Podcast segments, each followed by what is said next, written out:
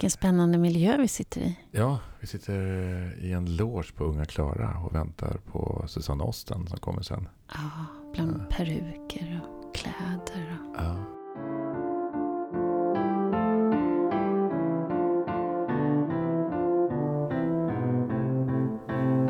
Hej Ruben. Hejsan. Hej. Ja. Du har funderat över ordet skuld, eller inte ordet, utan begreppet skuld. Mm. Hur förhåller du dig till skuld? Oj. Eh. Skuld, skam och skuld brukar man ju prata om. Eller brukar, brukar vi prata om. Eller, eh. Jag tänker så här att eh, enkelt är det att göra en liknelse till skulden vi har till banken till exempel. Mm. Eh, att en skuld är någonting eh, som går att betala tillbaka. Det vill säga att jag, jag kan ha gjort orätt mot någon. Mm. Och därför känner jag skuld Mm. inför den personen. Men det går att gottgöra. Mm. Och därför kan jag betala tillbaka. Mm. Eh, det är däremot lite mer komplicerat än skulden man har till banken. Mm. Därför att mottagaren måste ju vara eh, mottaglig just för att ta emot en ursäkt också. Så att eh, skuld är lite mer komplicerat än så. Men menar du att du, om du har en berättigad skuld och så um, ber du om ursäkt Mm. för det. Tänker du att den andra mottagaren måste kunna vara mottaglig för att du ska släppa din skuld? Eh, alltså både ja och nej. Alltså ultimat tycker jag att det är så. Alltså, Mm. alltså, det, det är lite grann så här. Ibland så går vi omkring och processar saker. Och, eh, jag är inne i någonting och är väldigt upplyft av den saken. Mm. Och glömmer bort att andra, mina medmänniskor, inte Mm. alls är inne på samma spår. Mm. Det har ju hänt. Det har ju hänt en, Ja. en eller annan gång. Ja. Och då kan man ju komma springande och säga, vill prata ut om nå- någonting. Men den andra personen är inte liksom Nej. riktigt där. Den är inte öppen för att förlåta. Mm. Eller kan förlåta men vill inte prata om Mm. det. Ehm, så för mig är det, tycker jag, eh, när jag ber, när, när, när jag vill göra en gottgörelse. Mm. Så är det ju det bästa, eh, det är ju när, eh, när, när mottagaren har möjlighet att, att integrera det i, i, Mm. i sitt liv. Mm. Eh, Såklart. då, då blir det ju ett flöde. Och det är en väldigt härlig känsla. Ja. Och jag tror ju också på det här att, att vi går och bär på gemensamma trauman också. Mm. Eh, och att vi, ja, precis som när vi pratade med Gun- Gunilla Nyros. Och, Mm. eh, det levde kvar i mig det här att hon började med i terapi när hon var 70 år. För att, Mm. som, jag upp, som jag tolkade att hon ville städa utanför sin egen utanför sin egen dörr och förstå det bristande flödet eh, Mm. som drabbade hennes kropp då. Mm. Eh, men jag, jag, jag tänker att vi har, vi har personliga trauman, vi har eh, kulturella trauman, Mm. vi har världstrauman. Och vi, det, det handlar ju om att vi måste försöka eh, jobba var och en på, sitt, på vårt håll, på sitt Mm. håll. För att liksom lösa upp de, de här knepigheterna som Mm. skapar så mycket rädsla och eh, där vi inte skapar en framtid utan vi Mm. hela tiden återupprepar eh, gamla mönster. Och vi kommer inte, vi kommer inte framåt. Nej, jag håller med. Men, men om man gör det här på det lite mer konkreta, enkla, så tycker jag vi har ju en kultur där vi befinner oss, att man, man i det här enkla i vardagen så tar man inte gärna emot ursäkter, utan genom att inte ta emot så säger man att du har ingen skuld. Mm. Ehm, det tycker jag man hör rätt ofta. Du, jag ber om ursäkt för det. Nej, nej, nej, det var ingenting. Det- Mhm. Inget att bry sig om. Ja. Mm. Men, Det tänker jag att om någon tycker att den har en skuld, ja. det är den sanning, det är dens upplevelse. Och så säger den, det här blev tokigt. Mm. Jag ber om ursäkt för Mm. att jag sa de här orden, eller vad det nu är för någonting. Mm. Då kan man ju... Ja, varför är det så svårt att ta emot det, tror du? Att den andra då säger, men det är ingenting. Mm. Eh, Alltså, Det tycker jag är det vanliga. Tycker Ja. inte du det? Eller är det bara i min och. värld? Både och, Mm. kan jag tycka.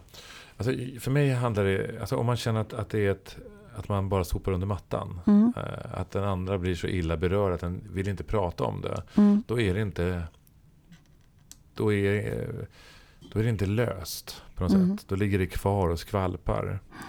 Eh, sen kan det vara så att det, att det inte var någon grej för den andra. Verkligen. Eh, att det var Med stor själv. sannolikhet är det ju så, när Ja. den andra säger så. Ja, det, så, så kan det vara. Men det, jag tycker också att det är lika stor sannolikhet att den andra säger så här, nej men det, det var ingenting. Och så känner man ändå att nej, det, det, det, det ligger någonting Mm. kvar här. Eh, Jag, jag har inte fått Mm. det här utrett riktigt. Mm. Eh, och, och då tycker jag att, att jag har att, att, att betala tillbaka den här skulden eller att be om ursäkt är också för min egen skull. För, Mm. Men min egen skull är också för helighetens skull tycker jag. Mm. Därför att om jag mår bättre så mår väldigt många andra människor runt omkring mig också bättre. Mm. Och på det sättet så tycker jag att vi skapar eh, det, det är det som jag tänker att det är det som är vårt samhälle. Mm. Det är därför jag vill leva i ett samhälle. Mm. Eh, och eh, ja, det här blir filosofiskt och... Jag, och, jag kommer att tänka på det där, för jag var faktiskt med om en sån situation här bara för några dagar sedan. Mm, Där eh, någon som ringde till mig, en släkting, och sa att jag har gått och tänkt på en sak. Jag har gått och tänkt, det här var jättelänge sedan. Vi Mm. pratar många år sedan. Jag har verkligen tänkt på det här. Och det här eh, ja, jag, jag vill verkligen säga förlåt. mm, Det här blev inte bra. mm, Jag är jätteledsen för att jag gjorde på det här sättet. Jag har inte haft en tanke. nej. Det var ingenting jag noterade Mm, överhuvudtaget. Och då så sa jag det. Det där var ingenting för mig. mm, Det, jag har inte ö- ödslat en tanke åt det där som Mm. hände där. mm, Men det hade hon. Och hon hade burit på det här och tänkt, gått tillbaka och Mm. tänkt på det här. Och då tänkte jag efteråt, hade det varit bättre för henne om jag hade sagt tack? mm, Tack för att du säger det. mm, För mig var det ingen stor sak, men tack. mm. Att hon... Att det hade varit bättre för henne. Jag, jag Rent tänker att- generellt ja, pratar vi men, nu. Ja, precis. Men ja, antingen kan du ringa upp henne och säga det. Ja, ja men det... eller, eller det, så, men det nej, men jag tänker att det är så att vi kan både säga tack och säga och för mig var det där ingen stor grej. mm, Eh, därför det är, det är ju ändå så att, att det är en annan människa som har gått och tänkt på det här Mm. och gått och burit på någonting Mm. som, som har varit knepigt Mm. och som har kanske liksom minskat hennes eller hens flöde Mm. eh, i livet lite grann. Jag gjorde också en sån grej. Jag pratade med en man ute på gatan som jag känner i princip på det sättet ute på gatan. Men vi har ofta väldigt roliga samtal. mm, Eh, och han gjorde någonting, och jag ska inte upprepa vad jag sa, mm, men han gjorde någonting och jag kommenterade det. mm, Och det var ett skämt mm, eh, som kom väldigt snabbt. Mm. Och han skrattade bullrigt som han Mm. brukar göra. Eh, och sen hände någonting som jag var tvungen att gå. Och så när jag kom in i min port så tänkte jag, nej men det där skämtet var inte okej. mm. Det där kändes inte, det där kändes ju, nej. Och då, då vände jag mig på klacken och så sprang jag ner för Mm. trapporna och så tittade jag ut och då hade han redan gått. Mm. Jag hi- hittade honom inte. Mm. Och jag letade efter honom på, på, eh, på Facebook och hittade honom slutligen. Liksom. Mm. Och precis på samma sätt så skrev jag till honom så här, du det där skämtet, jag ber om ursäkt. Det kom väldigt snabbt och det, var, eh, det var inte okej. Mm. Och då svarade han så här, nej, jag, jag gick och gottade mig åt och tyckte att det var väldigt roligt. Mm. Eh, men jag tycker att, ja, det var ju bra. Mm. Men det finns ändå någonting av att vi måste ta ansvar för vad, för vad vi säger. Jag tänker det också. Ja, Mm. och om vi då känner att nej, men det där var det där kanske var förlegat, det där kanske tillhörde en annan tid. Eh, när man kunde skämta om sånt. Idag gör vi inte det. Mm. Eh, då måste jag ta ansvar för det. Så att, eh, ja. Och sen kan jag också tycka så här. Att det finns vissa saker i livet som, som bara, där tiden måste hinna ikapp. Mm. Eh, därför att eh, de oförrätter jag gjorde när jag var ung, Mm. när jag var 25-30 år. Eh, ja, det kan vara enormt sårande för den personen som blev sårad av mig vid det tillfället. Men eh, den, den, eh, eh, och jag har gått och väntat till exempel på en, på en sån, eh, sånt möte. Och jag hade ju det, jag, inte, har jag pratat om det här? Har jag gjort det? Jag vet inte om vi har pratat om det vid sidan om podden eller, eller om vi har pratat om det i podden. Men hur som haver, det, det tog nästan 20 år innan jag fick ett fantastiskt mail. Eh, där den andra personen berättade hur hon såg på mig då och hur hon ser på mig idag. Och eh, jag började gråta. Ja, det är klart. Ja. Eh, därför att det var någonting som jag på något sätt också har gått och väntat på. Mm. Jag har väntat på att få eh, att den där, att, att det skulle landa, landa. Mm. Att, att det, Och processas. och processas. Mm. Och att det var väldigt mycket som behövde ses över Mm. innan det kunde bli helt. Mm. Eh, ja. Vilken, vilken förlösning. ja, det var verkligen en förlösning. Det Mm. var faktiskt en, det var verkligen en förlösning. Och den gråten. Eh, jag, jag grät eh, och det var så otroligt skönt. Mm. Det var alltså en lyckogråt Mm. faktiskt. Mm. Eh, fast jag grät väldigt mycket. Mm. Ja. Underbart. ja. Men du, Grattis. tack ska du ha. Tack ska du ha. Vi väntar ju på någon här Ja, inne. Susanne Osten, Ja. eh, regissör, en av de första eh, som startade fria grupper, en av de första fria grupperna Mm. här i Sverige. Och framförallt har hon ju vigt sitt liv till eh, barn och ungdomsteater. Ja, barnperspektivet mycket. Barnperspektivet, Mm. ja. Och eh, gjort massor med fantastiska uppsättningar. Och eh, några av dem är faktiskt skäl till varför jag blev skådespelare. Alltså. Eh, ja. Eh, som, jag, det var några föreställningar som jag gick på här när jag var 14-15 år som jag var helt tagen av. Som, som ledde så starkt till mig. Mm.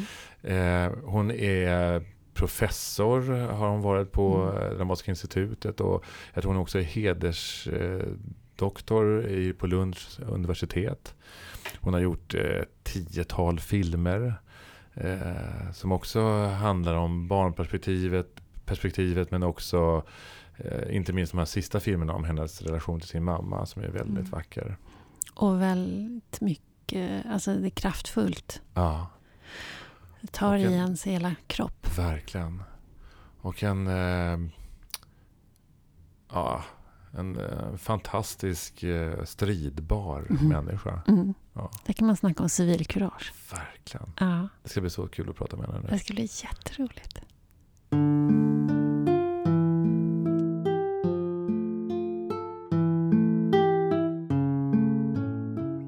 Hej Susanne. Hej. Varmt välkommen Susanne Osten till podd Mogna. Tack.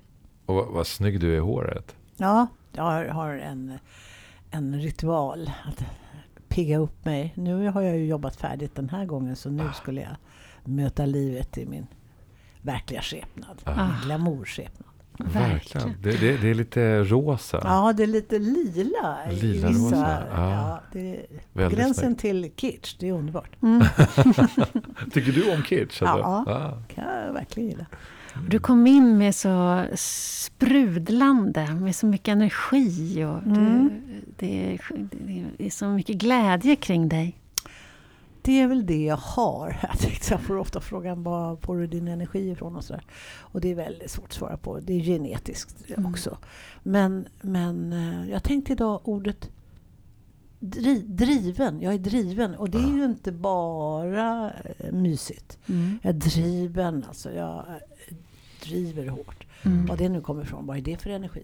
Mm. Men idag är jag väldigt glad när jag går in på teatern och går ner här och vi har ju avslutat en period. Mm. Så jag, var, jag är väldigt glad. Mm. Just nu är, är det topp. Mm. Och sen har min syrra kunnat besöka mig efter pandemin. Ett och ett halvt år har vi inte setts. Ah. Så det har varit jättekul. Vi har um, umgåtts hela veckan. Hon har sett pjäsen. Vi har varit på barndop. Vi har liksom, ja vi har röjt runt Mm. tillsammans. Det. Hon är lite äldre än Ja, hon är åtta år äldre än jag. Hon är nog närmast en mamma man kan komma för mig. Mm. Mm. Så det har varit kul. Och hon har levt upp.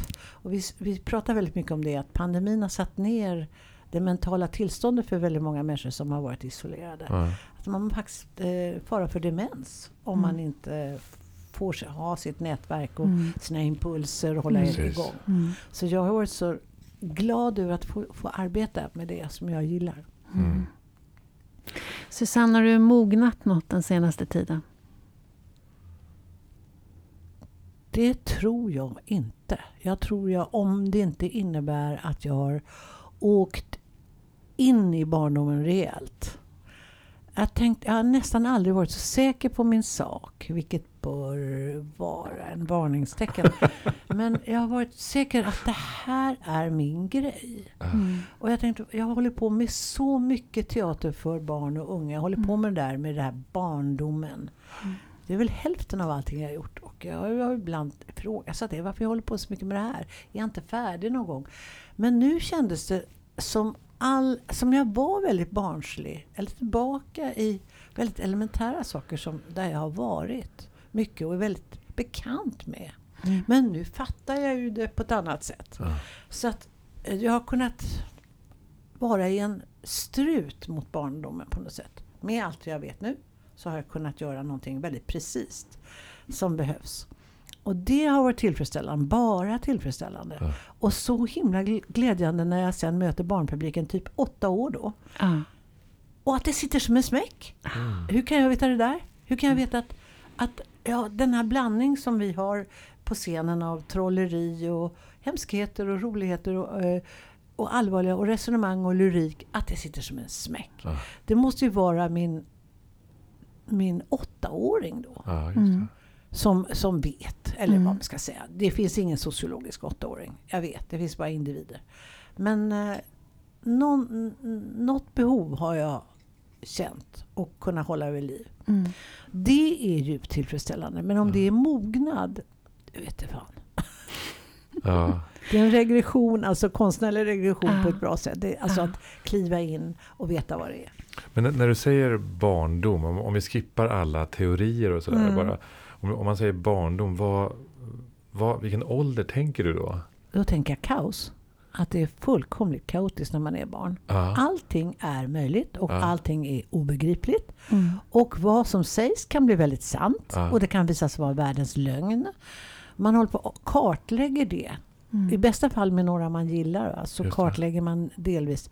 Men att de har ingen aning om varken tid eller framåt eller Okej.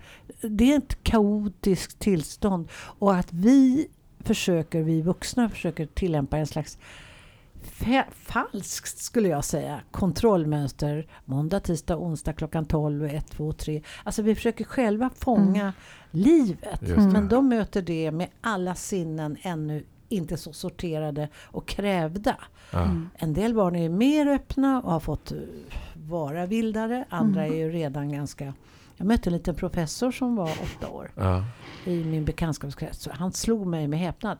Han var så lärd. Ja. Mm. Och han hade tillbringat pandemin med att spela spel Mm. och lära sig historia. Ja. Mm. Och då, då fick man återigen en chock över vilket intellekt vi har. Mm. Som, eh, vi är ju nästan färdiga som åttaåringar. Mm. Så att det är inte det att, eh, att det inte finns kunskaper där, men det är något vilt Ja. som teatern svarar jättebra på. Och de, ha- de, de kom till teatern och ropade genast i entrén här. Åh, vi längtar så att komma framifrån på teatern. Ja. Och vi förstå, vad betyder det här framifrån? Och då fick, det tror jag är att sitta och se berättelsen framifrån och själv välja. Mm. Det är inte så att de blir bara insugna och tror att det är sant. Ja. Mm. De har definitivt en uppfattning om att de är med om någonting som är interaktivt. Mm. Ja. Sen går vi ju ut och hittar på saker också. Så att, ja. Har, har du någon uppfattning om när din barndom tog slut? Eller kaoset. ja. Ja. Eh, Det var när mamma blev eh, vräkt av hyresvärden. Och eh, det sa hon inte till mig utan hon sa att vi skulle åka på vi skulle åka på semester. Det hade jag aldrig varit på med henne. Så det var ju wow. Då var jag 12. Så att jag tog inte med mig någonting. Jag tog bara med mig mina katter i en korg och eh, en cykel som vi delar på mamma och jag. Och lite grejer. Så hela barndomen försvann i vräkningen. Mm. Då var jag 12. Så där tog det definitivt Mm. slut. Och jag började en helt ny resa som sen ledde till att jag rymde och allt möjligt.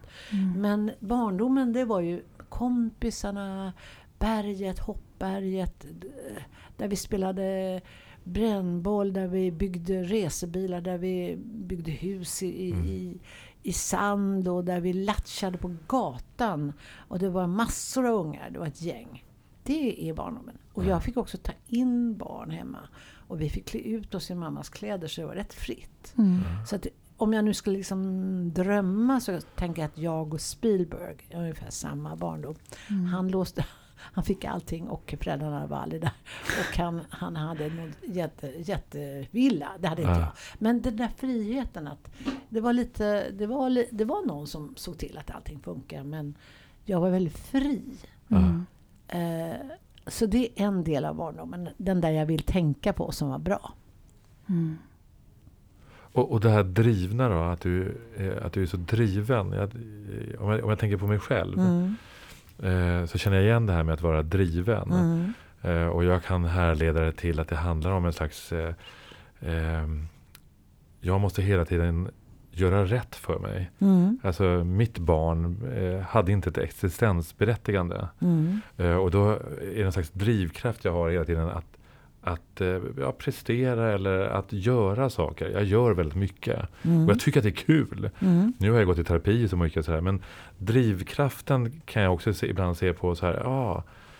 Eh, och därför har jag också till exempel meditationen varit så viktig för mig. Va? För att det är Mm. en slags eh, Brom, motkraft. gasa och bromsa. Ja, gasa och bromsa, ja precis. Jag tänker att eh, hundar, jag såg en underbar hundfilm nu som heter Stray. Den handlar om hundar och jag blev full i skratt för jag tycker att hundarna var som människor. De längtade efter någon att höra till. Ja. Och, ha, och då tänker jag, vad är detta? Det är att ha mening. Så relationerna drivs av att försöka hitta någon känsla av mening. Om jag, om, om, jag, om jag tillhör dig, om jag är med dig, då är det mening. Det är en grej. Sen är det det att jag vill ha en uppgift. Jag vill vara nyttig på något sätt. Jag vill ha, känna en mening på, för, som är större. Många hundar går ju stolt med någon pinne i munnen sådär. Tar- Man tycker de, de utstrålar självkänsla. Och, och, eh, så, det, så det tycker jag verkar vara allas behov.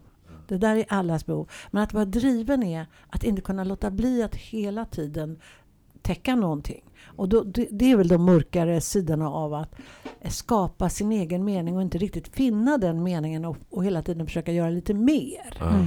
Om jag nu skulle ha en teori om att drivenheten är... Jag kan inte låta någonting ligga. Mammas eh, sentens då från barndomen var ju att man inte kan skjuta upp någonting. Alltså morgondagen är en skälm, sa hon på Mm. sitt litterära sätt. Alltså morgondagen är en narr, en clown. Den, den lurar dig om du inte gör det nu. Själv var hon ju närmast apatisk och sjuk och hade migrän och låg mycket. Mm. Mm. Så jag tänkte så att den slutsats jag drog var att jag vill inte hamna i det där. Ja.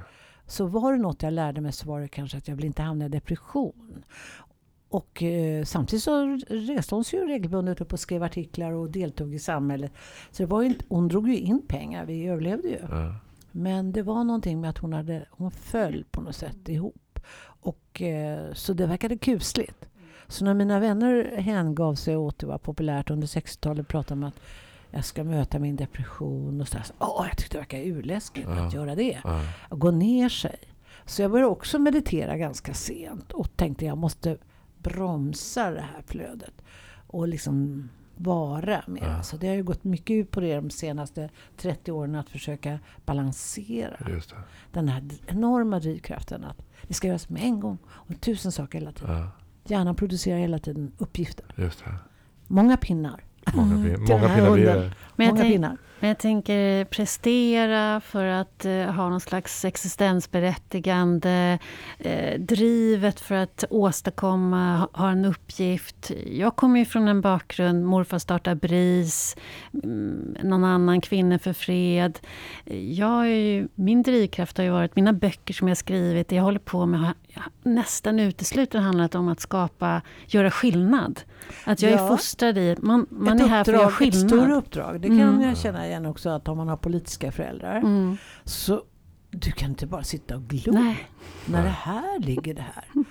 Och jag har också ett uppdrag varje kväll att se nyheterna för att se att världen sköter sig eller att den inte faller ihop. Mm. Och jag har massa sådana här påbud och, Eh, en särskilt läskig dokumentärfilm jag inte vill se, den måste jag se. Mm. Eh, jag måste veta hur det är. Jag måste se att det är 21 000 övergivna Isis-barn i Irak. Jag måste veta Mm. om det. Jag kan inte gå och lägga mig Mm. utan att veta om det. Mm. Så jag har sådana uppdrag Mm. som jag tänker är min flyktingpappa Mm. och min mamma. De var ju aktiva under kriget. Mm. Så visst, det, är, det kan man säga är ett föräldrauppdrag. Det finns där. Det känner jag verkligen igen. Det är, och, och, och man får inte vila från ansvar. För mig är ju du förknippad, när jag har sett dig, för mig, min tolkning, är du förknippad med så mycket civilkurage. Så mycket kraftfullhet, så mycket stridbarhet och, och stå upp för andra och in, inte minst då barnen. Vad kommer det här ifrån? Och är, är det lika mycket fortfarande? När du säger så tänker jag så här att det kan ju vara en lite, att jag är lite dum. Att jag vägrar ta in rädslosignaler. Eh, att, jag är, att mod är en, en eh, definitionsfråga. Mm. Att jag bara gör vad jag tror jag måste. Mm. Och sen kan man få en snyting efteråt. Det, alltså det, det Mm. behöver inte vara så läskigt som det verkar. Mm. Men det kan vara jätteläskigt för en annan. Mm. Det finns något vackert där, att man har ett... Jag vet inte om jag pratar om det, eh, som jag tycker är en bra grej. Det är att, att eh, man har en, en kopp av mod. Varje människa har det. Och en del sippar på det lite hela livet. Ja. Andra tar, liksom, tar sin dos. Och, och med det kan man säga, några gömmer flyktingar. Det har jag gjort. Mm. Och andra eh, kanske står upp för eh, människor hela tiden på sitt eh, vänliga sätt och frågar hur de mår och kan jag göra någonting och sådär. Det finns väldigt det finns någonting som vi människor är bra på, det är empati. Och så är vi också onda. Vi har också ondska och kan bortse från att det ligger någon och, och, och kravlar där och, Mm. och kräver något. Vi är hårda, för vi måste vara hårda, eh, tror vi, för annars överlever vi inte. Ja. Eh, Så att jag vet inte. Men att stå upp för barn är inte så svårt eh, idag. Det gör väl inte att alla. hävda bara ett perspektiv som jag har gjort. Det är inte så svårt. Mm. Men å andra sidan, när, när du startade med att ta barnet, barnets perspektiv Mm. på 60-70-talet. Mm. Och, eh, då hade ju inte barnteater någon Nej. status alls. Liksom, och Nej, det var töntigt. det var nog töntigt, Mm. ja. Mm. Alltså, och det ändå så har du ju hållit fast vid det, att det har varit Ja. viktigt. Det, en, en del saker väljer man ju inte. De, det väljer en. Ja. Eh, och det är väl så att jag har varit bra på det också. Jag, Ja. har, eh, jag tänker, och jag vill inte göra mig till Astrid Lindgren, men en del människor har väldigt kontakt. Eh, det märkte jag ju då i den här, det här arbetet. Ja. Jag har väldigt kontakt med vad jag håller på med. Och då är det ju roligt för mig. Ja, alltså, det. jag, det är spännande. Och jag får kontakt när jag eh, pratar, även om jag är en alien för, för små barn som inte känner mig, så får jag snackkontakt. Just det. Jag får det. Och det är väl någonting då, det, jag tänker, där är väl energinivån är väl fortfarande så jag är inte trött Nej. och inte uttråkad och inte cynisk. Det, Mm. tycker, jag är, det tycker jag är lite märkligt att jag inte är det. Det borde man kunna bli, men det är jag inte. Nej. Inte än. Det finns ju några år till att bygga på. Utveckla cynism, det vore intressant. Ja. Men jag tänker så här, är, du måste ju ändå tycka, så- när du säger så här, jag måste titta på nyheterna och så tar du upp Mm. eh, olika världssaker som händer. Och, och då kan man säga, men varför valde du barnteater? Eh, och då tänker, jag tänker då, du måste ändå tycka att det är viktigt. Ja, jag är värre än så. Jag tycker att det är det viktigaste. Ja, Jag är arrogant också. Det är, det är ju liksom inte bara snäll och modig och, och bra. Jag är väldigt anspråksfull. ja, Jag, jag tog ju upp, eh, vi, vi har ju gemensamma te- teaterreferenser. Till exempel när jag var på Stadsteatern så var det ju så att de stora uppsättningarna på stora scenen här på Stadsteatern, det Ja. var ju de som var de stora. Men jag hävdade ju att den där föreställningen jag gjorde på ungdomsgårdar, Tjejsnack, där folk halkar omkring på spottloskorna och, och, och, och tittade på ett litet spel som handlar om att stå upp och höja rösten tjejer. Och som var välskriven liten kabaréföreställning med väldigt bra skådespelare. Jen Fridman, eh, Liselott Nilsson, Lena Söderblom och Lasse Hansson. Ja. Vuxna människor. ja. Eh, och vår eh, gitarrist då, som var inspicient, Odd Wallmark. Alltså vi gjorde en väldigt ordentlig och Margareta och jag gjorde våra research och jag hade jobbat på ungdomsgård. Men jag tyckte att den var precis lika viktig som Per Gynt och skrev Ja. debattartiklar om det. Ja. Och det är ju så som man får det där ryktet av att inte vara riktigt klok eller vara klok. Det beror på vad man tycker. Ja. Men jag ville jämföra. Jag, och då sen hade jag ju den stora turen att jag hade en teaterchef som tyckte som jag. Vilket var ren flax. Så hon åkte ut och såg sånt och tyckte det var rätt och det ska finnas. Så jag levde i den illusionen att ja, men några tycker som jag. Och, och vi ska hävda oss. Så att jag tog en väldig fight för varför ska vi se ner på det här som formar människor mycket, mycket, mycket, mycket mer Ja. än en vuxen människa som en färdig smak. Mm. För barnet är det en explosion i dess medvetande om det är bra. Just det. Och är det dåligt så dödar det ju ingen. Dålig teater har aldrig dödat någon. Det, det är ju liksom mitt bästa Det cynism. det var tråkigt. Det är bara tråkigt och så tänker man på något annat. Men bra teater, det kan faktiskt ändra liv. Det Ja, har jag det. flera exempel på. Ja, just det.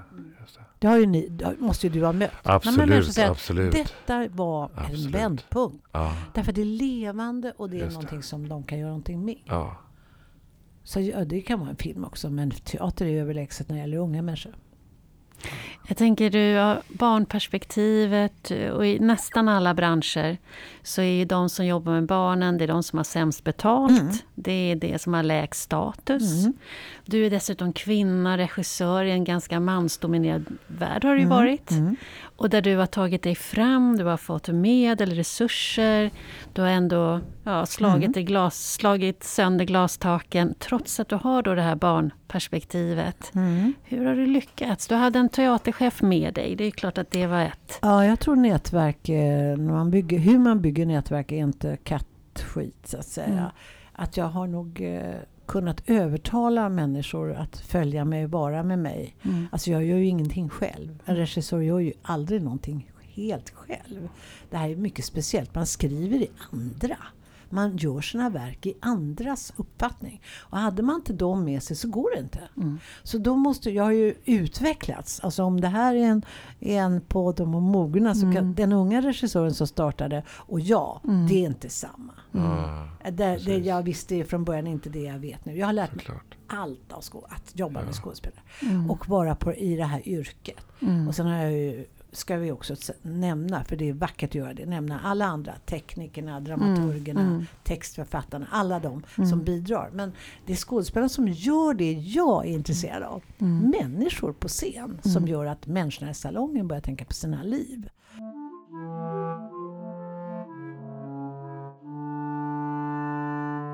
Jag har gått mycket kurser för det fanns ingen utbildning. Så jag gick på kurser och utsatte mig själv för svåra saker som skådespelare alltid utsatt sig för. Mm.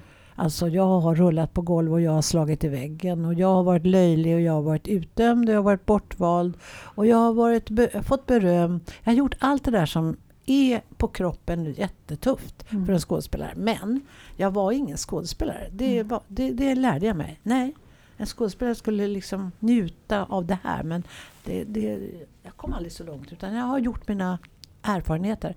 Men jag vet ju också när skådespelarna bullshittar oss Ja. och tycker saker, nej de vill inte pröva eller de har massa saker för sig som de tror, är, tror bara. Mm. Jag tycker att jag har varit hands-on på deras yrke för, med respekt för hur viktigt det är för mig att få dem att, att göra det där som vi nu Mm. ska berätta om. Mm. Och då har jag inga magiska eh, spännande nycklar. Jag jobbar med lust. Och jag jobbar inte med skräck. Nej. Jag, jag blev om, har blivit ombedd flera gånger. Att eh, slå mig, sparka på mig, kräv mera. Men det är inte min metod. Nej.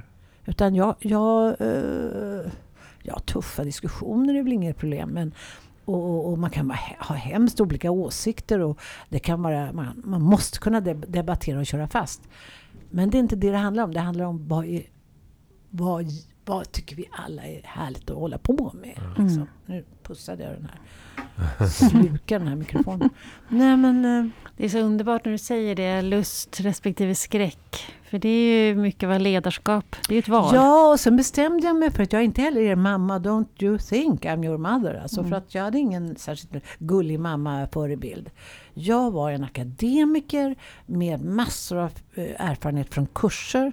Och sen ha- ha- hade jag massa eh, idéer som måste förkroppsligas, bli, bli kropp. Mm. Eh, så att eh, jag, tänkte, och så har jag gått på mycket terapier, alltså också teoretiska ter, terapier som att gruppen är i sig en ganska farlig grupp. Alltså, Mm. ja, den måste man bemästra annars kan det utvecklas negativa grejer och Mm. mobbningar och utsparkningar och skådespelare sinsemellan är ju inte gulliga. Märker de att någon är riktigt dålig så brukar de bli taskiga.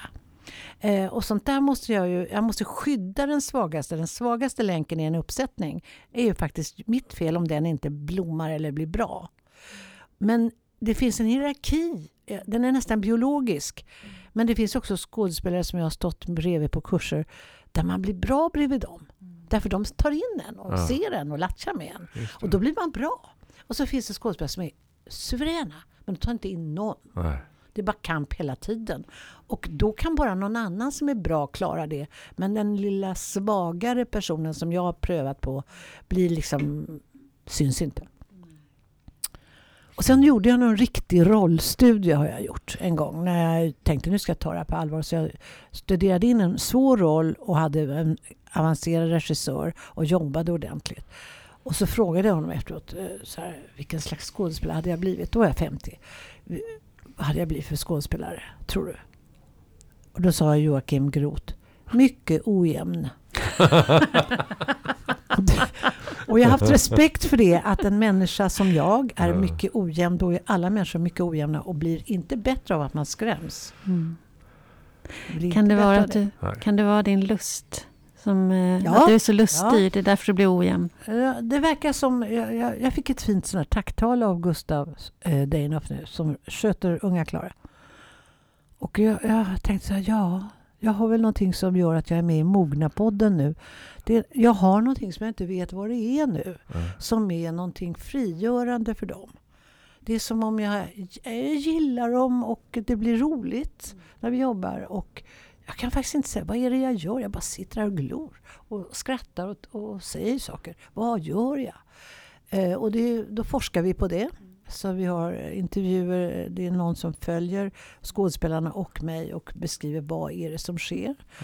Och sen så ska jag forska lite på om jag skrämmer barn. Det tycker jag ju inte att jag gör, så det är falsk forsk- forskning.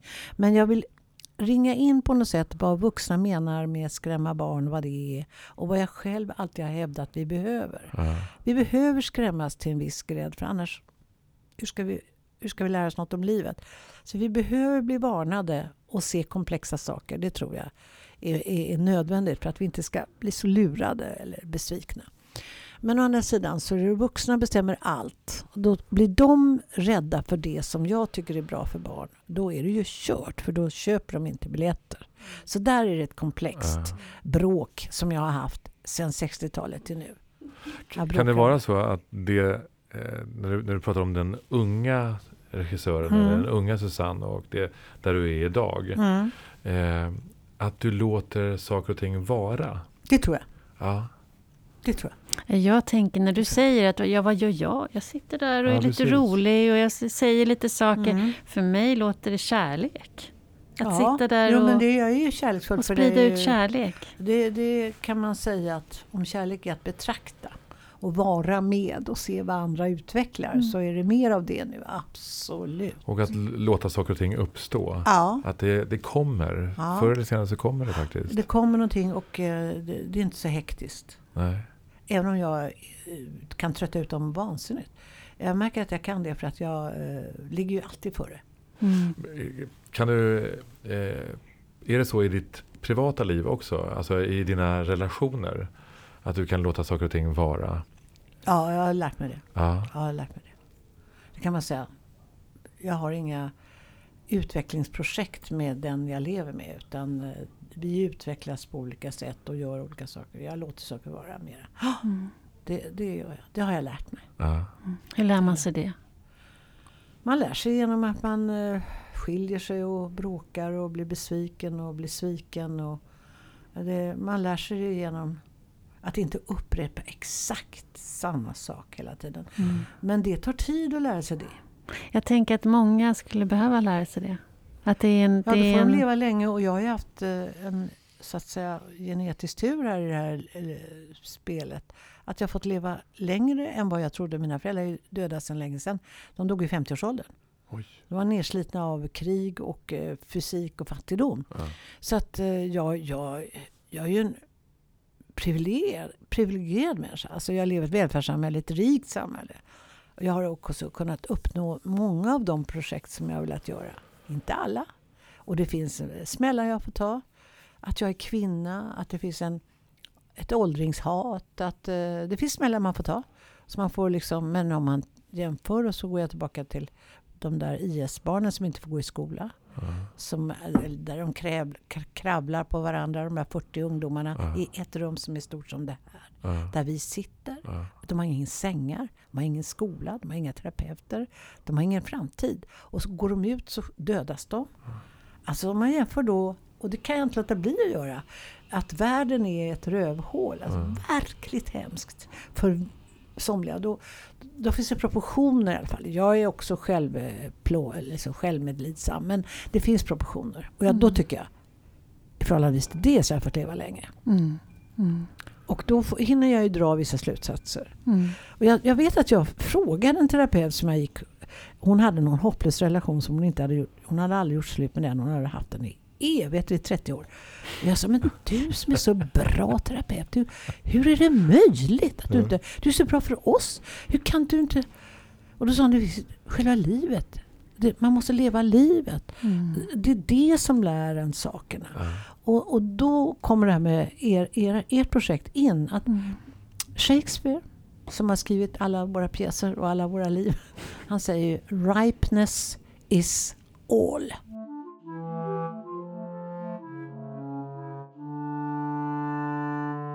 Timingen lär man sig kanske först, väldigt sent. Det är ingen mening att säga det där till den där personen för att där är inte läget. Mm. Jag tänker också på, när, du- i bör, ja verkligen. Och jag tänker det här i början så pratade du om barndomen som ett, ett kaos. Mm. Eh, och, eh, ja, vi kan ju citera honom då. Eh, han är inte så, men, men Nietzsche har ju några fina grejer som han har sagt. Han sa ju bland annat ur kaos föds en dansande stjärna. Ja. Och det, det är ganska poetiskt och väldigt vackert. Och, och någonstans är det så att, att jag tänker så här, det jag hör också är eh, att du tillåter ett visst kaos. Ett slags kreativt kaos. Inte bara Absolut. som var barndomen utan du har hållit fast vid det här kreativa kaoset. Och Ja. ibland så, så kommer en dansande stjärna eller med jämna mellanrum. Ja, man kan säga Spielberg som jag ser som min andlige broder, bara ur detta att han, det var någon fin artikel om honom, hur hans kaotiska lekrum. Jag tänkte, ja men det där var bra. Att inte städa för mycket, att inte organisera för mycket, att inte tappa självförtroende för allt det man vill göra, utan man tror det kan jag göra. Ja. Det är ganska bra att ha med sig det, för det är väldigt många som kommer säga att det där går inte. Ja, Och det där vågar jag inte. Och gör inte det för då blir den arg. Det finns väldigt många varningar. Och då är det bra att vara lite dumt. Ja men det är bara att prova. Ja. Eh, Så det där menar jag att det inte alltid så att det är så modigt. Det kan vara man har vissa skygglappar. Mm. Mm. För att eh, man har fått eh, pröva Ja. att det går. Fast jag tänker, jag är ju uppvuxen på 70-talet och många av mina vänner är ju det också. Och många av oss växte ju upp med föräldrar som var politiskt engagerade eller de skulle göra någonting helt annat. Och vi unga, vi sprang för vinden och, och det var ingen som visste om vi var i skolan eller om vi gjorde Nej. läxorna. Eller, och det här är ett återkommande tema i, i min värld i alla Mm. fall. Att för min generations föräldrar har ju blivit precis tvärtom. Mm. Det skjutsas och det gör läxor Mm. och man har bättre koll på läxorna än vad ungarna har Mm. högt upp i åldern. Mm. Det, är liksom, Det det, känner jag här, igen. det där. här Mm. organiserandet som du pratar om, Mm. det är man ju på otroligt mycket. Det finns inte generellt då, finns det inte så ut, mycket utrymme för det här kaoset. Nej, men jag brukar tänka på mig själv som 19 19-åring. Då var jag en otroligt eh, kontrollerande person. För att jag gjorde, tog ju, i brist på allting, så tog jag kontroll över allting. Mm. Och det var namnmärkning inför dagislämning, dagis som det hette. Mm. En, nämningen. Och var det inte namnmärkt så fick man anmärkning. Det var väl, och det var också att de ringde hem från dagis och sa din dotter hon eh, klättrar på borden. Och då ska ni tänka hon var två år. Ja. Och borden var rätt låga. Och jag tänkte att det var eh, fysiskt bara. Men de hade alltså, då tvångs blev jag jättesnabbt en vuxen. Jag var Ja. ung mamma. Och så var jag tvungen på något sätt bevisa att jag inte var så där som jag själv hade varit. Så att man genomgår ju olika perioder, väldigt många perioder tror jag, i ett långt liv. Där man testar olika förhållningssätt. Och kommer man från kaos så testar man borgerlig, Ordning. korrekt. Mm. hållning. Inte, det ska inte vara en, inte en fläkt av kritik ska drabba mig. Ingen ska kunna säga någonting. Och jag hämtar först av alla. Och jag, Ja. så. så det där finns, ser jag ju i kullar nu. Att de är så. Så att, eh, det är säkert så att man är, det är väldigt enkla Verkligen. eh, back and forth. För att, och, och nu är det, skulle det kunna vara den stora syntesen då. Att man är driven och kan vara duktig men behöver inte vara det hela tiden. Framförallt inte när andra skapar. Att inte tala om för dem vad de ska göra. Utan att jag, jag ger uppgifter, pinnar är bra för oss alla. Men att, att eh, eh, inte ta det utrymmet hela tiden. Och de här föräldrarna som jag ser när jag reste runt skulle prata om film för barn. De ringer ju in i klassrummen och kollar vad barnen har för sig. Oj. Jag tycker det är oanständigt. Alltså de kontrollerar barns huvuden och, och planer och visioner. En sak är att man är noga med att de inte dör, inte skadas. Det, det har jag ingen ironi för, det förstår jag. Men det här med att man tar deras mentala utrymme så mycket, att de ska rapportera hela tiden var de är. Det är faktiskt inte bra. Och jag hör ju också dessa oändligt tjatiga samtal i ICA och sådär. Vad ska vi ha till middag? Tycker du vi ska ha det och det? Det är som en hjärntvätt tycker jag. Mm. Låt ungarna tänka vad som helst. Ja, nu är det lite sådär Ja, surr i våra väggar. ja nu låter det Ja, bara... hela, när vi hade en föreställning här så hade vi faktiskt gatuborr Ja, rakt genom hela föreställningen. Nej. Och barnen brydde sig inte. nej. Där, det var koncentrerar därför, jag sig. blev, därför blev jag ganska nöjd. Ja, men Ja. alltså, då, det, att vi kunde konkurrera med en gatuborr. Du, jag tänker på det här med att mogna och växa och du har gjort mycket med barnperspektivet. Du har berättat om din egen barndom i många föreställningar på olika sätt och relation till din mamma. Hur var din... Du berättade just att du var väldigt ung mamma. Hur, hur har det varit att vara mamma i olika mognadsfaser själv? Jag har haft felaktig bild om hur jag var mamma. Jag, jag har varit väldigt hård när jag går igenom hur, oh vilken ofullständig mamma jag har varit. Men eh, när jag fick en chock faktiskt. När jag tog fram, jag fick av en slump, det är ju ofta så, så får man ju brev och man hittar gömmen och det dyker upp saker. Det hade man inte bett om, med vissa kärleksbrev vill man bara inte möta längre. Men, eh, men här var det eh, mina brev till min dotter när hon var i New York och skulle dansa. Och jag blev gripen över vad bra de här breven var och vad kärleksfullt det här var. Och varför har jag trott att jag var så skitdålig och vad hård jag har varit släpp det nu. Och, ehm, och det vet jag inte. Jag tycker att jag alltså, som feminist, och jag är verkligen en rättvisefeminist. Eh, på det sättet att jag tycker det ska vara samma läge för män och kvinnor. Mm. Jag såg en lång historia om, om rappens historia. Jättebra på Netflix. Inte en kvinnlig rappare är med där. Alltså det går inte. Men eh, vi lever ju i samma värld. Vi måste kunna göra det här bättre. Men som rättvisefeminist så har jag så jag har så mycket åsikter om hur man, hur man borde ordna det. Och jag, jag, jag, har gjort, jag har gjort någonting som jag tror på. Att bra daghem skulle kunna vara om de var bemannade av idealister och om de hade intressant musik och teater och konst. Det som verkligen inte skilde människor åt i samhället. Då skulle Mm. vi alla ha samma chanser på ett helt annat sätt. Så jag har, haft sån här, jag har försökt att påverka saker i kommittéer och så. Att det finns en politisk idé om att de alla har tillgång till eh, en rik människo, eh, ett möte med människor och konst. Då skulle vi kunna Eh, skapa bättre förutsättningar för ett samhälle. Och det, och det har jag stött på med, med kunskap och research och politiska samtal. Allting. Jag tror att det här är inte flum. Utan att jag tror att om vi... Eh, det, det spelar inte så stor roll. Vi var fattiga och bodde på, mitt emot folk med villor och swimmingpool. Vi lekte med varandra ändå. Eh, vi såg skillnader, men det var inte det som var avgörande. Det var inte avgörande att de ena var rika och de andra var fattiga. Det var inte avgörande för vår kontakt. Eftersom vi fick leka med varandra och vi gick ungefär i samma skola. Så jag har sådana idéer och jag har haft sådana idéer när det gäller feminismen också. Och då har jag också försökt tänka så här, tänk om hela idén om en mamma och en pappa är bara befängt. Det finns inte en mor och en far. Det finns två människor som gör barn. Mm. Och sen hur de sköter den uppgiften respektfullt till varandra och när de bryter upp och bildar nya. Men gör de det respektfullt så hänger inte på mamma, pappa. Och, och ja, jag har haft också styvbarn och det är ju ingen lätt grej men jag har älskat dem också. Och det är ingen lätt grej eftersom här är det våra mönster som hindrar oss från att göra de bästa lösningarna. Mm. Men jag tror ju Och faktiskt... Med mönster menar du då? eh, Det vi har med oss. Det är vårt bagage? Ja, det, det hindrar oss från Ja, att vara det. schyssta. Och den här familjen som jag har just gjort, de är så självupptagna så att det liknar ingenting. Men, och det är roligt att, att skildra. För narcissismen är ju liksom vuxenhetens sår. Ja. Vi Mm. sysslar med oss själva. Mm. Och så har vi barn också. Men de som förmår att också se att hela konstruktionen mamma och pappa är eh, det är sånt som vi kan spränga i luften och säga vad, vad, vad har vi? För nu finns det två mammor, det finns två pappor, det Ja. finns mamma och pappa, det finns mamma och extended family. Det finns så mycket varianter. Men barns kärlek är ju fullkomligt oreglerad. De kan älska så många människor. Det är vi som inte har klarar bestämt. Ja. de kan älska eh, därför att det är, det är människans förmåga. De älskar sin flock. Mm.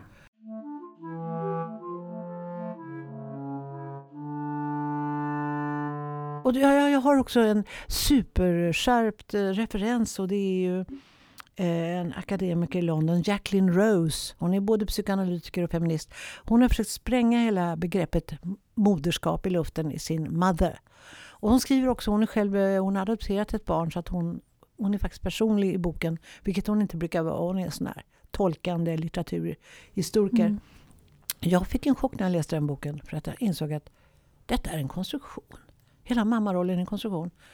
Nu ska mamma göra det här och mamma ska göra det här och det här visar mamma och det här tror mamma att mamma... Men det är ju jag. Så det, egentligen är det så att, att det är mycket av det som vi förhåller oss till i vårt samhälle idag som är konstruktioner. Det är, Ja. det är påhitt. Påhitt, konstruktioner. Ja. För att vi måste ha konstruktioner för vi klarar inte kaos. Ja. Så, och de kan vi ju ra- rasera. Den gamla generationen, dina föräldrar och mina föräldrar, hade ju massa saker för sig som vi kan säga Nej, det där tar jag inte med. Det där var bra. Ja. Det där tar jag inte med. Eh, min mamma brukade säga till mig, och då sitter ju hon på Beckomberga när hon säger det. Hör du, de där råden, följer du dem själv? Ja. Säger hon till mig. Och det var ett oerhört hårt. Och jag, och jag, jag ska sluta ge alla råd, råd till alla människor. Gud vad jag ger mig folk råd. Gör så här, gör så här. Det var min otålighet, det är det där drivna. Mm. Jag ser och de bara gör så här, gör så här. Precis. Mm. Det kan, så kan man ju också med, göra med en skådespelare. Det gör inte just jag. Men, ja, men man kan bli otålig och tänka, istället för att bara vänta för Mm. tre veckor senare så, där är det. Igen. Just det. Eller något mycket bättre. Ja, Mm. men också, också något som man har sett som man blir otålig. Gör det där då. Mm. Men eh, psyket och, och situationerna. Mm. Ja visst också. Mm. Du har rätt i att det kan komma något som man, oj då, det gäller att känna igen det då. Mm. Min, min mamma satt också på Beckomberga. Ja. Tänk, tänk om de satt på samma avdelning. Ja, då sa de kanske- säkert att den ena är idiot. Andra. Min mamma var väldigt fraktfull mot de andra dårarna. Aha, hon, var, okej. hon hade bara en liten förkylning. Okej, okej. Så. Men, men du, jag tänkte här med, med, med konstruktioner och sådär och, och kärleken eh, och förhållanden genom livet. Ja. Är, är det också en konstruktion då? Förmodligen. Ja. Och hur, hur, hur, hur, har, hur har dina konstruktioner sett? Om du... Ja, jag har varit...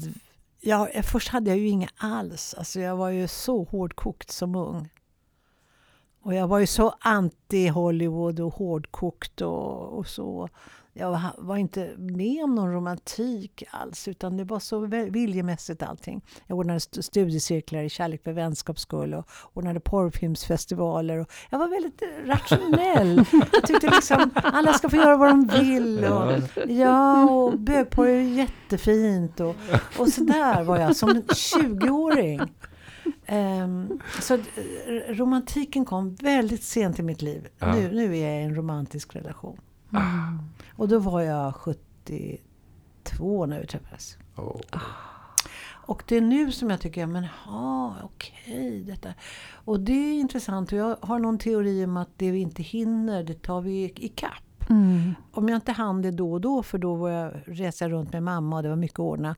Och sen kom jag in i studentlivet och det var de och de idéerna som var väldigt viktiga. Det var studentteatern och det var den nya, nya vindar från Paris och det var väldigt mycket ordna. Jag skulle bara fixa om hela västerlandet. Mm. Bygga om det och göra, göra revolutionära förändringar med studiesystem och allting. Och sen kom man till teatern i Stockholm, ska man bara bygga upp det också och starta något helt nytt. Ny teater och det har varit mycket sådana här konst, grejer att göra. Jag har varit med i så många organisationer. Mm. Och fredsarbete och ja, you name it. Mm. Så att jag har nog varit... Jag har absolut varit kär och så. Och eh, jag har också blivit lurad och jag har blivit slagen och jag har varit otrogen. Jag har genomgått allt man kan genomgå som vuxen människa och dragit olika slutsatser. Och ibland ser jag att det där var ju bara att jag låtsades vara väldigt förälskad för att få ha sex. Ja. Så att då, då lurar jag mig själv med romantik. Och ibland har man haft, haft sånt där som man tänker, ja metoo, jag kan anmäla mig. Tjatsex vet jag vad det är. Alltså det finns, det finns många erfarenheter som jag inte hade ord för. Och vi i grupp 8, vi satt alltid och beklagade oss över hur vi verkligen hade det med våra killar. Medan Mm. vi stod på barrikaden och talade om jämlikhet. Vi hade inga bra relationer många av oss. Nej. vi hade rätt dåliga relationer tycker jag, när jag tittar på det kritiskt. Som vi inte kunde, vi Vad berodde för det på tror du? För det har jag funderat över. man får Varför- glad, en flicka får glad om man får en relation. Om man, särskilt om man är uppkäftig och intellektuell och, och vet vad man vill så man vara jätteglad om man får, om man får ligga. Och, och allt det där. Ja, men, nu är jag lite jargongig, men det, det var rätt hårt. Eh, och, och vi blev attackerade för vi var fula och vi var eh, bitchar, alltså därför vi var, vi var nog lesbiska också. Det var så otroligt attackerande. Vilken för att man aggressivitet. framställde jämlikheten som väldigt väsentlig. Det går inte att, det går inte att förstå att man kan sitta i tv med um, generationskompisar som, som säger att det är okej med prostitution. Det är, kvinnor vill ju också det. Alltså man kan ha debatt på den nivån. Det, det skulle inte gå idag, men det var väldigt det var svårt debattklimat och då skulle man samtidigt vara fräck och modern och samtidigt hålla isär saker och ting och så känner man med sitt darrande hjärta att här fanns någonting att skydda. Så terapi blev ju väldigt många av oss gick ju i terapi och jag gjorde det väldigt tidigt. Jag trodde jag hade en grej med mamma jag måste reda ut. Jag kanske skulle bli schizofren själv trodde jag. Det lärde jag mig med en gång att det var inte nog någon större fara. Jag var inte, det, var, det var liksom inte det. Mm. Och då fortsatte jag med att utröna mycket om mamma och mig och språket. Hela, hela jag var förvirrad. När jag började, jag kunde inte skilja på någonting i, i kroppen. Alltså jag var helt förvirrad. Så det fanns mycket att sortera ut. Jättebra terapi. Så gick jag också av ideologiska skäl i gruppterapi. För jag jobbar ju så mycket i grupp. Ja. Och tyckte att det var en, det kom från Tyskland, den moderna gruppterapin. Och sen från Amerika. Tyckte det fanns mycket anledning att ta upp saker istället för att snacka skit. Det var Ja. mitt, min hållning. Jag får nog ge upp det där. Snacka skit gör ju folk ändå.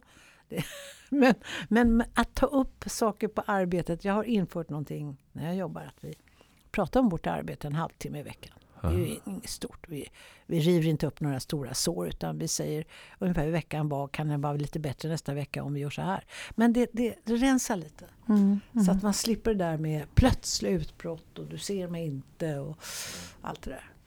Men den, den romantiska kärleken, när, Ja. när, du, när du var 72. Ja, Eh, vad är det som definierar det då? Vad, vad- hur, hur, eh, sinnesförändring och hopp och dofter och glädje. Dofter? Dofter och glädje, allting blir väldigt... eh, Din partner doftar på ett ja, Ja. ja, det tyckte jag idag Men- också. underbart. När vi skildes åt. Men är det, tror du att det bara var tid? Det var, det var moget? Det var, Nej, jag tror att man kan ha tur också av hundratusentals människor man träffar. Och det var ibland så när jag verkligen ville dejta, om vi säger så, när jag verkligen var i ett läge jag tänkte nu måste jag hitta någon, det här är för ensamt. Så kunde jag gå igenom ett rum och så sa hyggliga vänner, ja men det var ju minst tolv som var intresserade. Jag såg inte en enda. Nej, men så, Nej. Ja, vad, vad ska man göra? Det är bussigt. Det Mm. tycker jag är jättebra. Jag ska, vi ska fortsätta säga så till varandra men det är inte så det uppstår. Och Tinder blev det aldrig aktuellt för mig men jag har träffat eh, jättemånga vänner som har träffat folk på Tinder också. Så att alla sitter bra ut och någon tråkiga, som min mor sa. Ja. Men det låter så fantastiskt att bli den där liksom stora virvlande kärleken kommer när man är 72. Att det är, Ja, det var lite, vi har ju eh, likadana ringar så här. åh, vad Dödskallar. vackert. För att det var någonting som Per sa då att eh, eh, till döden skiljer oss åt. Fast på Ah. engelska. Men det är också Fantomens märke. Precis. Och det är också liksom Keith Richard har den. Också. Men alltså eh, det är realistiskt. Alltså vi, vi, har ju, vi, ska ju inte, vi ska ju ingenstans, vi ska bara dö. Mm. Det är ju det. Mm. Oj. Det är nästa ämne egentligen. Ja. Döden. Men det, det hinner vi inte. Nej, Tyvärr. Ja, ja, men det är väldigt intressant tycker jag. Döden och förhållning. Jag började ju väldigt tidigt med sådana pjäser. Så att jag har utforskat den där. Jag är rätt rationell faktiskt när det Ja. gäller det. Jag tänker, och, och, Hanne Kjöler, läste du hennes? Eh, om sin mamma. Ja. Mm. Det gjorde du också. Mm. Helt otroligt. Mm. Jag var väldigt fascinerad. Ja. Och, och någonting sånt hade jag och min syrra. Vi bestämde oss när det hände någonting tragiskt i hennes liv att vi ska begravas ihop. Så vi började en research på hur ska vi dö och hur ska vi, var ska vi ligga och hur ska vi ha det. Mhm. Allt det där har vi gett upp nu. Vi Okej. har gjort olika val. Men, men vi började för eh, 20 år sedan med att prata om Och ta kontroll över det. Mm, den processen, Ja, liksom. inte dödsställa för mycket men ändå ha en koll. Koll på, alltså, Ja, ansvar för eh, att jag vet att det här är mitt enda liv och det slutar. Att ha ansvar för det och tänka att det är någon som ska ta hand om det sen. okej. Min dotter. Och ehm, att tänka vad ska vara kvar och vad ska, ja lite så. Ja.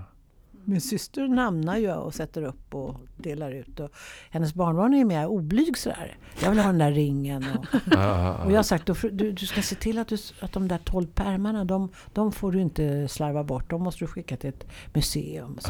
Pia har väldigt fina teckningar. Så att vi pratar om det. Mm. Döden, döden, döden. Döden, Nu är det döden. Astrid Lindgren igen.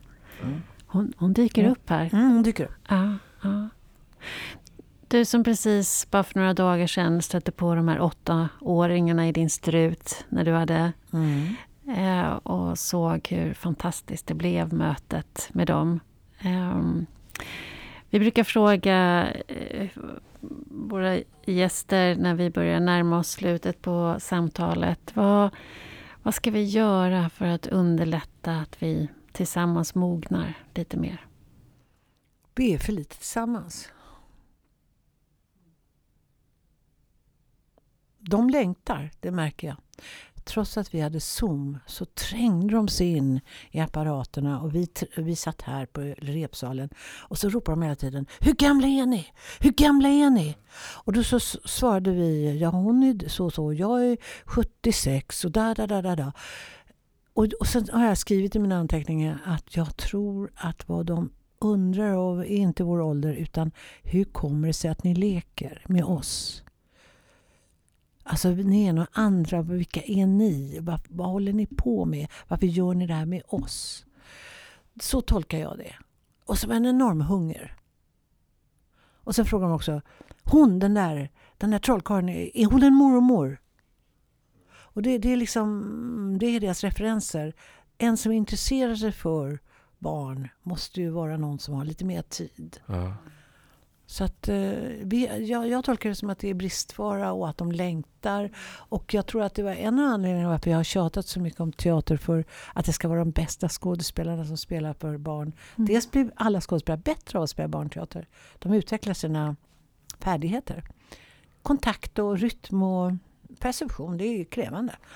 Eh, Men eh, jag tyckte det ska vara det därför att hos de här små kropparna som verkar ofärdiga för oss och ointellektuella för oss så finns det en avläsning av de stora Vi har ju samma känslor. Så när de ser känslokanonerna, skådespelarnas förmåga att uttrycka känslor och kraft då händer det någonting med deras framtidsbild av sig själva. Jag ser ju det, för de har ju kommenterat väldigt mycket musiken här. Och, och Maria Johansson som har gjort den musiken, hon är väldigt eh, Fantastiskt tycker jag. Eh, stor kvinna. Och att det är något mäktigt där att hon sjunger på engelska. Där. Vad är det det där är? Mm. Det eh, ger, tror jag, bilder av en framåt. Så att om vi vuxna som är märkvärdiga för dem Mm. var mera hittade vägar. Mm. Hej Ann-Sofie! Nu får vi besök här. Jag kommer upp till dig. Ja. Eh, ja, så du, vad du efterlyser är det att vi aldrig ska sluta leka? Ah, försöka vara på, vår, på, på något genuint sätt med barn. Ja, Det är, vi kan inte leka på deras sätt, men vi kan leka på vårt sätt. ja, Ja, en del kan ju leka med barn. Alltså när jag har haft studenter har det varit så där att en del har bara försvunnit bort med barnen och lekt med dem. Andra har suttit och gäspat och velat dricka kaffe med dagisfröknarna. ja. Eh, så, eller, och tycker det är tråkigt. Så att vi är olika. Vi, har, vi har lekt bort oss eller vi leker fortfarande. Men framförallt var, inse att de är väldigt intresserade. Mm. Om vi bara ger lillfingret. Vi har väldigt mycket att ge barnen, men barnen det har tror- också mycket det, att ge det, det är oss. lack, Mm. lack of självkänsla. Mm. Alltså brist på självkänsla är ett problem Mm. med, med vuxna människor och barn. Mm. De säger ofta, vad ska jag säga? ja. Vem är jag när jag inte har någon text? Man blir väldigt ledsen när man hör det. Mm. Att vad ska jag ens säga till barnen? Mm. Det är för att vi inte har... Eh, det måste tränas. Alltså hitta sig själv, ett naturligt tonfall. Mm. Det får man träna, det har jag ju prövat. Jag, har prövat upp. Jag har fått skådespelare i min ensemble som inte vågar prata med publiken. Men efter de har jobbat så no problem. Man får öva. ja. När känner du att du är autentisk? Kanske ska inte göra någonting. Kanske ska bara hänga. ja. Inte prata. Inte, absolut inte hålla på och intervjua barn. Absolut inte. Mm. Vad har du gjort i skolan idag och vad gillar du att äta? Alltså allt det där påtvingade. Försöka hitta ett naturligt sätt att vara tillsammans. Mm. Och alla barn är, och alla vuxna kompar ju inte. Men ibland blir man ju väldigt road. ja. Mm. Jag tycker det var väldigt fint att försöka vara autentisk och Mm. möta. Hitta Andra som- sig Mm. i kontakten. Mm. Ja, jag vill inte egentligen sl- avsluta. Det finns massor med saker kvar att prata om. Du pratar om åldershat och jag vill Mm. fortsätta med, med döden. Men vi, vi, i begränsningen visar sig mästaren. Lyder ett kinesiskt ordspråk. som är lite tråkigt kan jag tycka. Just i det här fallet. Väldigt begränsande tycker jag. Faktiskt. Men underbart Ja. att vi fick prata med dig Susanne. Mm, det är Tack. samma. Jag känner mig badar i eran, ert intresse. Det är Ja. väldigt kul. Kan ni inte eh, skriva upp er, eh, era telefonnummer och eh, hur jag kan nå er? Absolut. Tack för att du kom hit. Tack.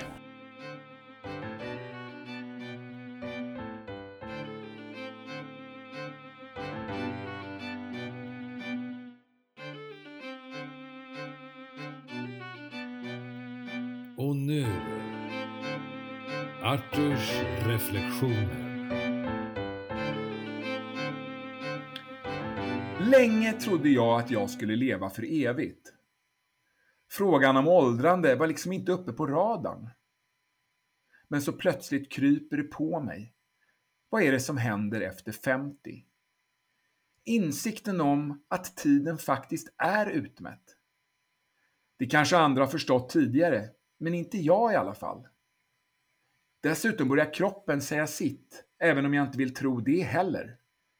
Jag är liksom kvar i någon form av mental ålder som ligger någonstans runt 30. Och jag håller emot så mycket jag kan för att inte acceptera att livet går. En bra spegel är ju att vår omgivning liksom är med på samma resa.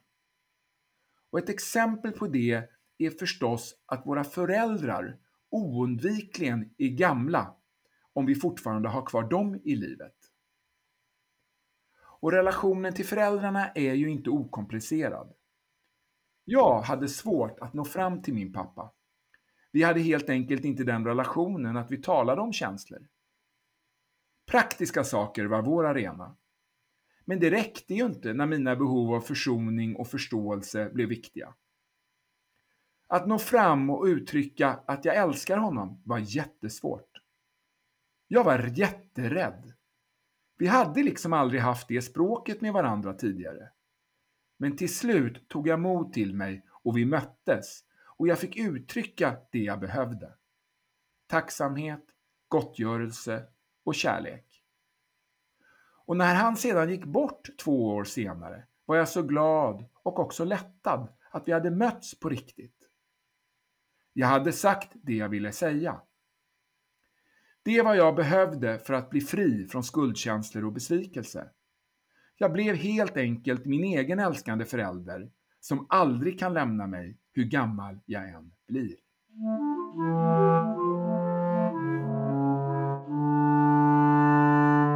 Tack Arthur. Tack Susanne Osten. Ja, Mm. vilken människa. Ja, kan man inte bara få hänga en rygga på henne, tänker jag. ja, En liten stund bara. ja, verkligen. Vilken energi. Och Mm. ändå vilken närvaro. Mm. Mm. Ja, det var, mycket att ta in. Mycket att ta in. Ja. Jag tänker eh, någonting som jag... Det var jättemycket jag tänker på. Men hon pratar ju om det här 70-talet och, och de här kvinnorna som stod upp för jämställdheten Mm. och hur de ansågs oattraktiva och bitchiga och lesbiska och allt vad det var Ja. för gruppen män då. Att det var till och med svårt att hitta en partner Ja. för att man... Eh, och det där känner jag igen där jag växte upp. För min mamma hängde ju också med, med det här gänget och drev de här frågorna. Och jag hade ju många vänner och alla var ju singlar. Mm. Alla våra mammor var singlar. Mm. Mm. Och att det... För att, att, att eh, du, du tänker att, att, det, att de här kvinnorna var hotfulla mot de här... Hotfulla, men jag Mot, tror upplevdes hotfulla. upplevdes hotfulla i den strukturen som var då, i den, bland de normerna. Skrämmande. Eh, men jag tänker utan att veta, såklart. Jag var ju bara barn, jag var inte där. Men jag tänker också att när man tar i så här mycket för att Mm. kunna göra skillnad mot sådana strukturer, då kanske man inte heller är så närvarande för, för, vad som man måste vara, tänker jag, för att kunna ta emot och ge kärlek. Mhm. Jag tänker lite som hon, jag säger ingenting om Susanne eller om någon Mm. enskild individ, Nej, utan nej. nu pratar jag om grupp. Ja. Eh, för jag tänkte på det hon sa att allting har sin tid. Då var jag så Ja, upptagen. ja, ja, följde med mamma och skulle vara med i alla de här kommittéerna och det Ja, skulle det. göras. Och det. fanns liksom inte tid. Och, och lite så tror jag också att det var för det här gänget. De skulle fan göra skillnad nu. De skulle Ja. förändra världen. Ja. Och att dels kombo med det här skrämmandet. Eh, jag vet inte hur det var för gruppen män. Om de, om de tyckte att de här gruppen kvinnorna var svåra att förstå. Förstå Mm. sig på. Eller kanske kände att ja, här kommer de som tycker att vi är så fel. Och Mm. gruppen män nu är så tokiga. Eller, jag har ingen aning. Ja, ingen aning. Alltså, mm, jag menar, det var ju en podd häromdagen bara. En annan podd. Mm. Eh, där det var två män som pratade om feminismen som ett av de största hoten mot, eh, mot Sverige och Ja, hela världen mot hela nästan. världen. Så det, alltså, det, man häpnar ju över bristande utveckling och ja, dumhet. Alltså Mm. på samma sätt, eh, det är ungefär, det var lite mera, det var lite flera ord i den podden än när man argumenterar med att säga att någon är ful eh, och bitchig och lesbisk. Så, som att det skulle då vara ett argument. Och negativt dessutom. Eh, Det är ju väldigt märkligt eh, att Mm, man för sådana argument. Men jag tycker att eh, det är klart att det, att det har hänt en hel del Mm. på den fronten. Men eh, när man till exempel lyssnar på den här podden. Mm. Eh, där det sitter två män och ja, nästan till tävlar i hur korkad man kan vara. Mm. Eh, så Eller inskränkt. inskränkt. Ja, Mm. så, så tänker jag att det, ja, de, de gjorde, det, det, är, ett- det är ett bakslag eh, till viss del kan jag tycka. Till Eh. viss del. Ja, Det är väl ett fruktansvärt stort bakslag ändå kan man ju säga att, att det här kommer igen på det, det sättet igen. Ja. i, i den formen. När, feminism handlar ju inte om någonting annat än att tjejer och killar ska vara jämställda. Ja, Mm, och ha samma förutsättningar. Och icke-binära för den delen. Mm. Ja, det är många att ta hänsyn till. Det är många. Många pronomen Ja, att hålla reda på. Ja. Det, det har jag lite svårt för. ja. Eh, Det är lätt att säga fel. det är lätt att säga fel. Mm. Ja, det är det verkligen. Eh, alltså jag har inte svårt för de som anser att de har en, ett annat pronomen. Men jag har svårt att komma ihåg alla pronomen. Mm, mm. Och Men- säga rätt. Ja, Mm. och det rätt. Men jag tänker, alltså. Någonting som gör mig så glad och det som du nämnde här. Det är ju att allting har sin tid. Ja, men det var ju så det var också det- fantastiskt. och det var lite grann det vi pratade om innan också, eller hur? Ja, Eh, så kom hon in också på det, eller hon gestaltade det Ja. på något sätt. Liksom, att hon, att eh, det är ju på något sätt aldrig för sent för utveckling eller för att bli romantiskt förälskad när man är 72 år. Mm. Och jag bara heja. ja, det är så underbart. Det är så jäkla underbart. Ja. Att det men jag tänker också det här med att när hon pratar om att moderskapet och för all del också pappaskapet, att det är bara socialt konstruerat. Det är Ja. bara någonting vi har satt massa termer kring och förväntningar på. Ja. Och tänk om man bara kunde se bort. Vi är, två män, eller vi ett antal människor så finns det massa ungar här. Ja. Låt oss hjälpas åt. ja, det ligger någonting i det och samtidigt så, så tänker jag att det finns någonting också, och det sa hon ju också i och för sig, men att det finns någonting biologiskt också. Det här med mitt barn och min familj och med, Fast jag, nej, det inte jag. Nej, det håller inte jag alls med om. nej, Nej. Jag har fler barn än mina bio- biologiska barn som jag jag ser också. som mina barn. ja, det har jag också. Så Så- det... Nej, nej jag, tror, jag tror verkligen... Det behöver inte alls vara biologiskt. Det, det behöver inte vara det, men jag tänker att det, att, att det är det också. Att det är olika saker, att vi har, har olika sorters relationer ändå. Eh, Men, men det är klart att, att eh, ett barn som jag aldrig har träffat men som, aldrig råkar, men som råkar vara mitt eget Mm. och ett barn som jag inte har något, någon biologi tillsammans med men som jag har vuxit Lever upp med, med. lever med. Är ju, där har vi ju svaret på ett sätt. Liksom. Men eh, ja. Ja men det, det, det, Jag tycker det är en jättefin... Jag tycker faktiskt det är en väldigt spännande tanke att bara tänka absolut. kring. Jag tycker, jag tycker att det är en spännande tanke och jag måste nog tänka på den lite grann till. Mm. Mm. Eh, för att eh, ja, men det är mycket att tänka på här. Vi kanske ska eh, läsa den där boken Ja, som hon hänvisar till. ja. Jag har faktiskt den hemma. Mhm, Ja. Det har inte jag. Jo. Har du Nej. läst den? Nej, det har jag inte gjort. Jag har ju, jag har ju såna här högar. Aha, ja, jag med. Ja, oh. Eh, eller det är underbart. aha, Men, men den ligger där någonstans. Eh, Mother. aha. Ja, den, eh, ja men du, du kan få låna den. Jättegärna. Ja. Ja. jag går hem till den nu med en gång. Ja, toppen. Vi Då ses. säger vi så. Ja, det gör Ja. vi. Hej.